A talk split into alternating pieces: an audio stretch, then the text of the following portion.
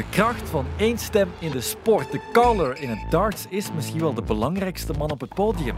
Anders dan de kleurloze scheidsrechters in de meeste sporten zweept de caller het publiek zoveel mogelijk op. Een van de meest iconische stemmen stopt er nu mee. Russ, The Voice Bray. Hallo, welkom bij Sportsat Daily.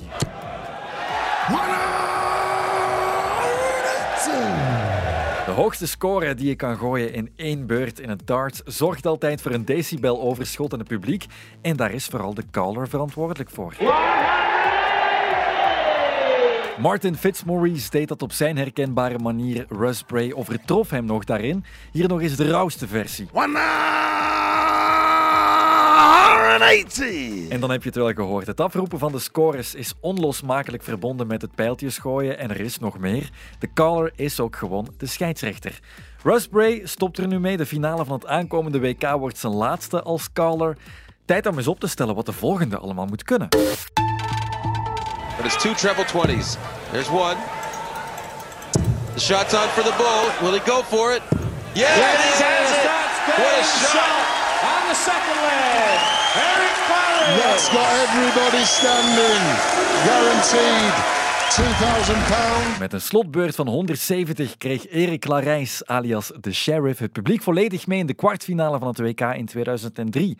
Maar het was de Nederlander Raymond van Barneveld, de beste darter ooit, die ten koste van onze landgenoot de halve finale haalde. Ja, ik ben dus eh, Erik Clarijs en eh, ik ben eh, ja, een voormalig eh, darter. Eh, ik heb een accident gehad waardoor mijn carrière eigenlijk is eh, ja, moeten stoppen. En dan eh, enkele jaren geleden ben ik terug eh, opgevist eigenlijk door VTM en ik ben nu eh, ja, fulltime analist eigenlijk voor de dartswedstrijden op VTM 2. Clarijs kent zijn sport door en door en ook de centrale man vandaag, Russ Bray, kent hij heel goed. Ja, ik heb enkele wedstrijden onder zijn leidingen afgewerkt. En ik heb ook, wij zaten in hetzelfde boekingsagentschap, wat dus maakte. Dus de, je kon ons boeken voor een demonstratiewedstrijd. En dat was altijd mijn vaste caller. Dus ik, eh, ik eh, deed altijd demonstratiewedstrijden samen met Andy Fortam, eh, Martin Adams, de, de, de kleppers van die tijd. En onze vaste caller was dus eh Ros Bray. Die heeft mij heel vaak begeleid op die demonstratiewedstrijden.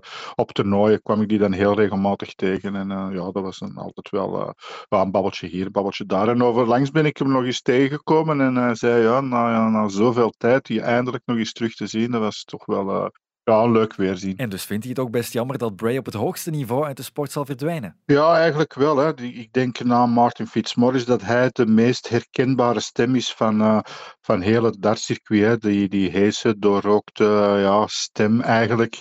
eh, wanneer die 180 roept, die is echt wel ja, legendarisch. Hè. Maar iedereen kan dat natuurlijk ook eens proberen. De- als ik op zijn manier een 180 zou roepen vijf, vijf keer na elkaar, heb ik geen stem meer. Kan je misschien eens nadoen? 180! Verdienstelijke poging van Dave Joassim. Ik ben eh, Dave Joassim. Ik ben eh, al meer dan 30 jaar actief in de dartsport.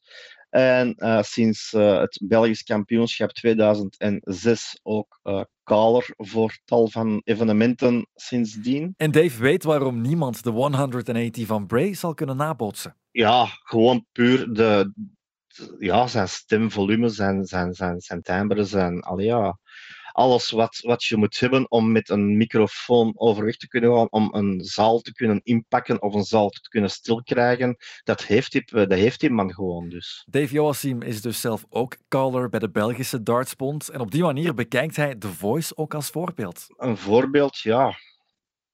Je kijkt er wel naar op, hè, want eigenlijk eh, als je ergens goed in bent of je doet iets met veel passie, je ultieme droom is toch wel om op dat podium te kunnen staan. Ja, is het toch wel ergens een voorbeeld van wat die mens heeft bereikt eigenlijk. En heel lang ook, want eh, hij is tenslotte ook ongeveer hetzelfde begonnen als ik. Door op een lokaal toernooitje dat de caller die kwam opdagen en vroegen aan hem van wilde jij dat hier even overnemen? Dus ja, ik vind het knap wat, wat, wat, wat, wat hij doet. En zeker, je mag niet vergeten, eh, als er zo'n 10.000 man achter u staat, te roepen en dergelijke, om je concentratie te behouden en eh, dat te kunnen in je hoofd te kunnen wegfilteren. Dus ja, ik heb eigenlijk wel respect voor alle callers die daar staan. En nu, na 30 jaar carrière, stopt Bray er dus mee. Hij wil de kans geven aan de volgende generatie scheidsrechters.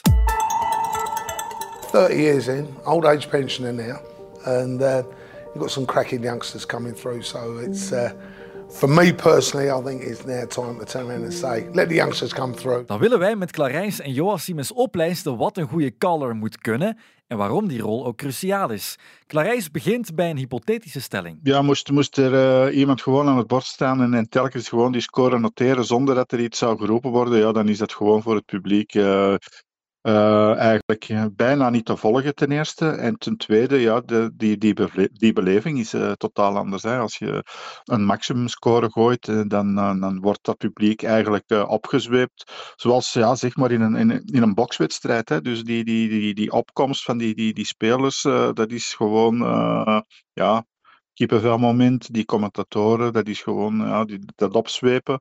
En de caller, dat is zijn taak. Hè. Dus het, het publiek proberen mee te nemen in dat spelletje. En eigenlijk de beleving die die spelers op dat podium hebben, die eigenlijk te laten voelen. Hè. Uh, als die, die, die maximumscore valt, dan voelt eigenlijk heel, de, heel, heel die zaal voelt eigenlijk wat die, die speler daar op dat podium voelt. Hè. Dus dat is zo'n euforisch moment. En ja, dat, daar gaat het publiek van. Hè. Belangrijke functie dus. Zou Clarijs het zelf niet aandurven? Mensen vragen me wel eens, uh, waarom ga jij geen caller zijn omdat je zo snel kan rekenen? Maar ik, ik vrees, ik denk dat ik de, de dragende stem niet, uh, niet heb om, om eigenlijk uh, dat publiek uh, ja, op te zwepen. Eigenlijk. Mm -hmm. Heb je het ooit al eens geprobeerd? ja, op, op een zeer kleine schaal wel. En dan, ja, dan is dat echt onwennig. Hè. Alhoewel dat ik heel snel kan rekenen. En ik zal ja, bijna nooit tot nooit een, een fout uh, roepen. Alleen ja, je hebt, je hebt schrik om, om, om, ja, ja, als je dat niet gewoon bent, om je stem te verheffen. Hè. Die stem is belangrijk. Dave Joachim, heb je daar net al het beste van zichzelf horen geven? Dat kunnen we bij hem al uh, aftikken. Maar er is nog een belangrijke combinatie. Ja, vooral het belangrijkste is het tellen natuurlijk. Hè. Je moet, uh, ik zelf als caller op dat niveau, als ik wedstrijden op zulk niveau call, ik tel praktisch niet, omdat ik weet, men weet gewoon door te doen en door zelf te spelen van uh, 20, triple 19, 18, dat is 95. Dat weet je gewoon.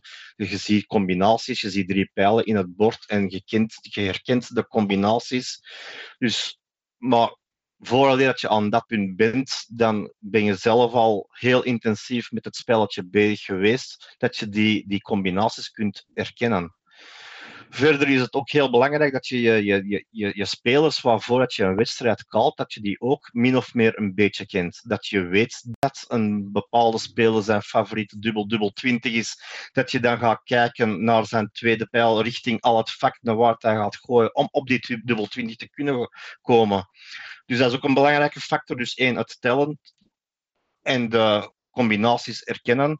Uh, tweede, vooral ook dat uh, je spelers kennen, dat je weet van een Dimitri van den Berg die gaat graag naar dubbel 16 of een James Wade die gaat naar dubbel 20, dat je je eigen erop voorbereidt, dat je naar een triple segment gaat kijken om op die desbetreffende dubbel te kunnen komen. Voilà, research vooraf en vooral heel veel ervaring opdoen om uiteindelijk niet meer te hoeven rekenen. De caller is natuurlijk ook de scheidsrechter. Een penaltyfout in het voetbal over het hoofd zien kan in het darts gelijk staan aan een fout aantal punten toekennen. Ja, dat gebeurt. Dat gebeurt heel zelden. Uh, het is niet dat die, dat die om de tien worpen een fout uh, doen. Uh, pak dat dat om de, ja, om de duizend, om de, om de tienduizend worpen is dat die eens een fout zetten. Maar een, een, fout van de caller, ja, die staat. Hè. De caller die is, die is baas. Hè.